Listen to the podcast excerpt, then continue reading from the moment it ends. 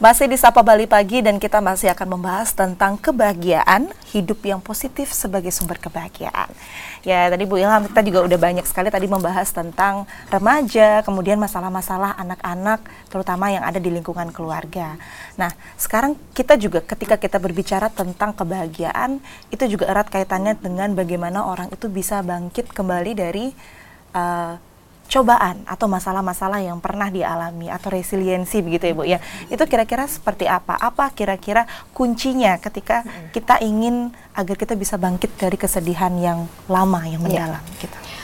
Uh, hal yang paling penting perlu kita sadari bahwa uh, persoalan itu pasti selalu datang ya. Bagaimana sekarang kita melihat permasalahan itu sendiri? Apakah kita mau memikir memikirkan sampai hati Akar akarnya hancur gitu ya atau memandang oke okay, masalah ini ada nanti akan saya perlahan akan saya selesaikan.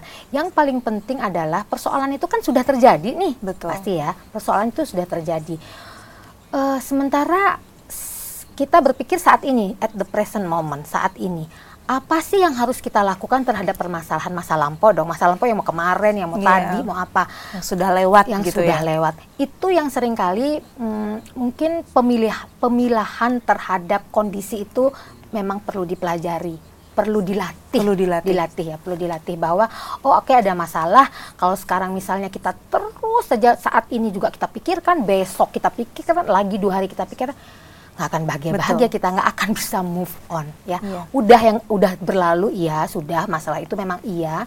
Tapi bagaimana kita mengatasi kondisi masalah itu ada saya harus lebih uh, bisa berpikir secara real bahwa hidup ini harus tetap berjalan.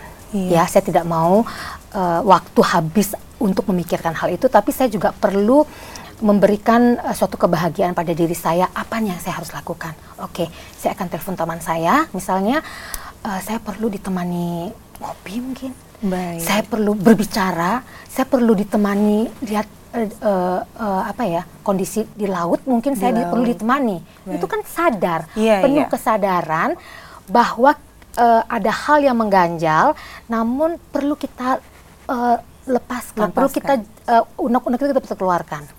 Berarti kita tuh penting ya Bu ya untuk meminta pertolongan dengan orang walaupun sebatas tapi yang tepat loh ya, yang, yang tepat, tepat, yang tepat yang memang mah, paham bahwa masalah itu mungkin nggak boleh keluar. Oke. Okay. Masalah itu mungkin uh, uh, hanya diketahui bi boleh diketahui. Nah itu perlunya namanya sahabat kan Mbak, yeah, iya, sahabat. Yeah, yeah. Kenapa perlu ada di dalam hidup kita orang yang bisa kita ajak uh, berunding, bertukar pikiran atau uh, apa ya uh, melepaskan suatu unek-unek itu dia sahabat psikolog itu juga adalah sahabat sahabat sahabat sahabat masyarakat sahabat ya. masyarakat ya, iya berarti memang kita dalam memilih orang untuk kita berbagi kemudian ya. untuk temannya juga harus diperhatikan ibu ya betul dan, dan psikolog ada di mana-mana ada di mana-mana bisa dijadi, menjadi uh, sahabat masyarakat bisa ya. menjadi ya. pendengar yang baik betul begitu, karena ya. biasanya kalau katanya kalau psikolog itu pasti sakit sakit nah, tanda betul. petik padahal tidak yeah. sebetulnya perlu orang yang tepat untuk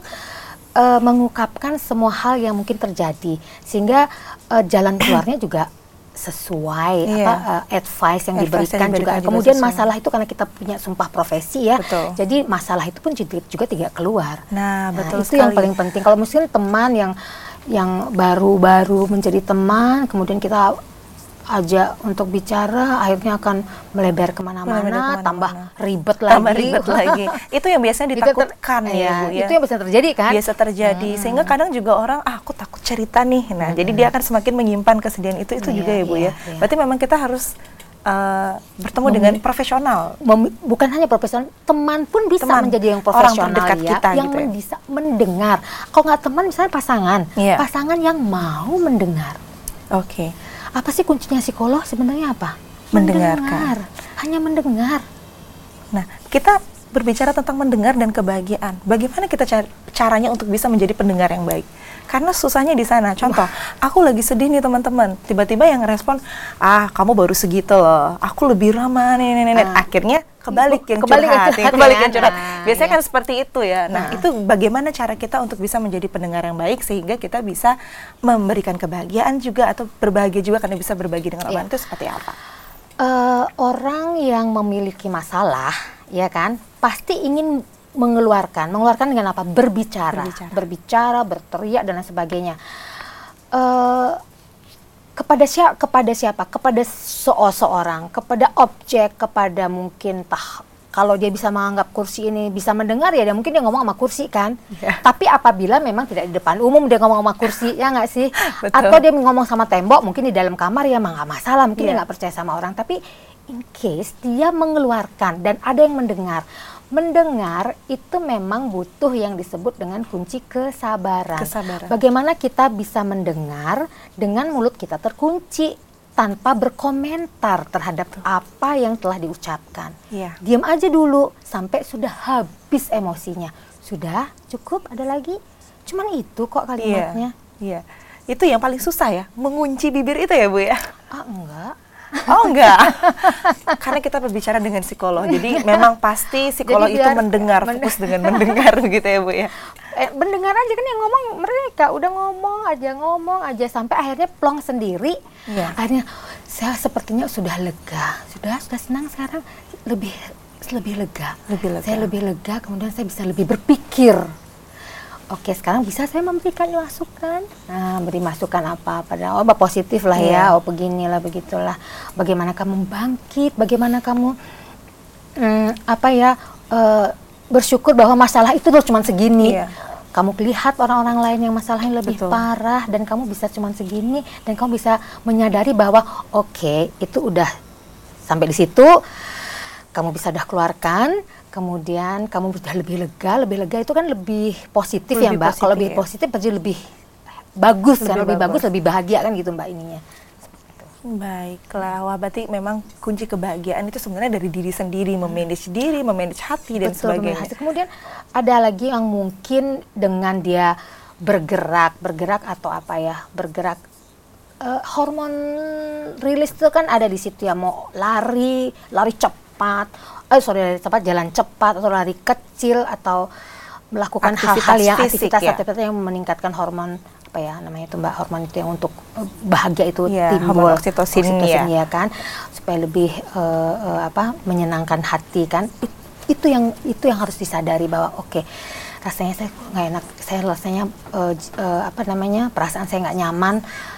Apa yang saya silakan oke okay, saya mungkin uh, perlu ke taman perlu saya saya nggak suka ketemu orang banyak gitu misalnya oke okay, taman mana ya oh mungkin kebun atau lapangan yeah. yang agak sepi kalau mungkin kalau di Lumintang pagi-pagi lebih sepi lebih daripada sepi, di Renon betul. gitu ya yeah, yeah, yeah. atau misalnya kalau memang ada dana lebih bisa memanggil private apa ya private instruktur yeah, ke rumah untuk ke rumah olahraga atau mungkin yang lagi getol apa yang lagi apa happening dari beberapa tahun kemarin itu yoga, yoga. mungkin bisa me, me, apa menyamankan ya paling nggak menstabilkan karena yoga itu kan menyatukan pikiran, hati dan tubuh fisik, kita ya, fisik dengan bergerak. Berarti salah satu poinnya untuk resiliensi, resiliensi juga ya. begitu ya Bu ya. Kita bangun, paham. kemudian kita paham diri kita, kita melakukan aktivitas ya. dan juga kita bertemu dengan orang. Ya. Nah, bertemu dengan orang. Bagaimana cara kita orang untuk yang bisa, tepat lo ya. Orang yang tepat ya, psikolog contohnya Bu ya. untuk membangun hubungan dengan orang lain juga salah satu yang hal yang penting untuk membangun kebahagiaan ya Bu ya.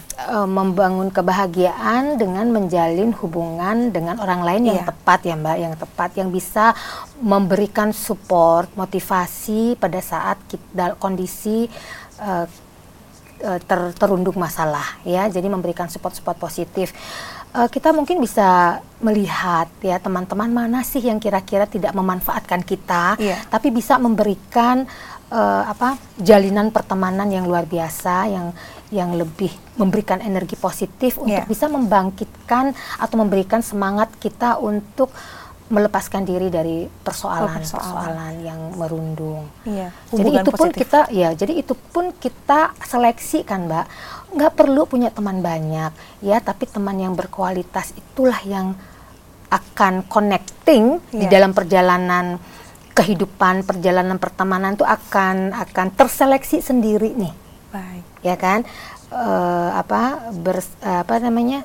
istilahnya connecting itu apa ya energi ya energinya itu uh, ak, akan mencari sendiri Mencari lah sendiri. ya. Alam akan mencari sendiri. Oh ini cocok memang dengan ini ya. Kalau memang mungkin dari bicaranya, dari Betul. dari klik aja, Kliknya, ya, hobi dari yang sama dan sebagainya. ya. Oke. Belum tentu hobinya sama Mbak, tapi bagaimana saling menerima. Saling Teman itu kan menerima. harus Oh menilai, iya, menerima betul, betul.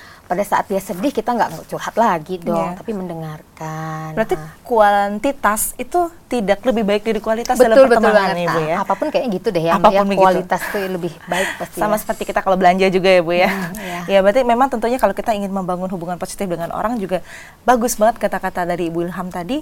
Kita tidak usah khawatir kalau misalkan lingkungan pertemanan kita semakin sedikit mengerucut, mengerucut dan nah, sebagainya karena mengerucut. memang uh, itu yang akan terseleksi sendiri Iya, begitu ya iya. Bu ya.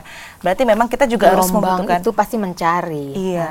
Kemudian kalau kita bandingkan dengan keluarga pastinya Ibu ya, ketika kita dekat dengan keluarga juga akan lebih mudah kita untuk bisa Iya, bersosialisasi karena dengan kita kan kembali luar. lagi keluarga. Sekarang keluarga kalau misalnya masih remaja ya keluarga adalah orang tua, Iya. adik, kemudian mungkin nenek, kakek ya Betul. yang bisa dijadikan eh, tumpuan cer- eh, apa? tumpuan obrolan, rilis dan lain Iya. sebagainya. Kalau memang sudah menikah ya eh, suami yang bisa Suami dan mensupport ya, suami, anak, Baik. saudara ya.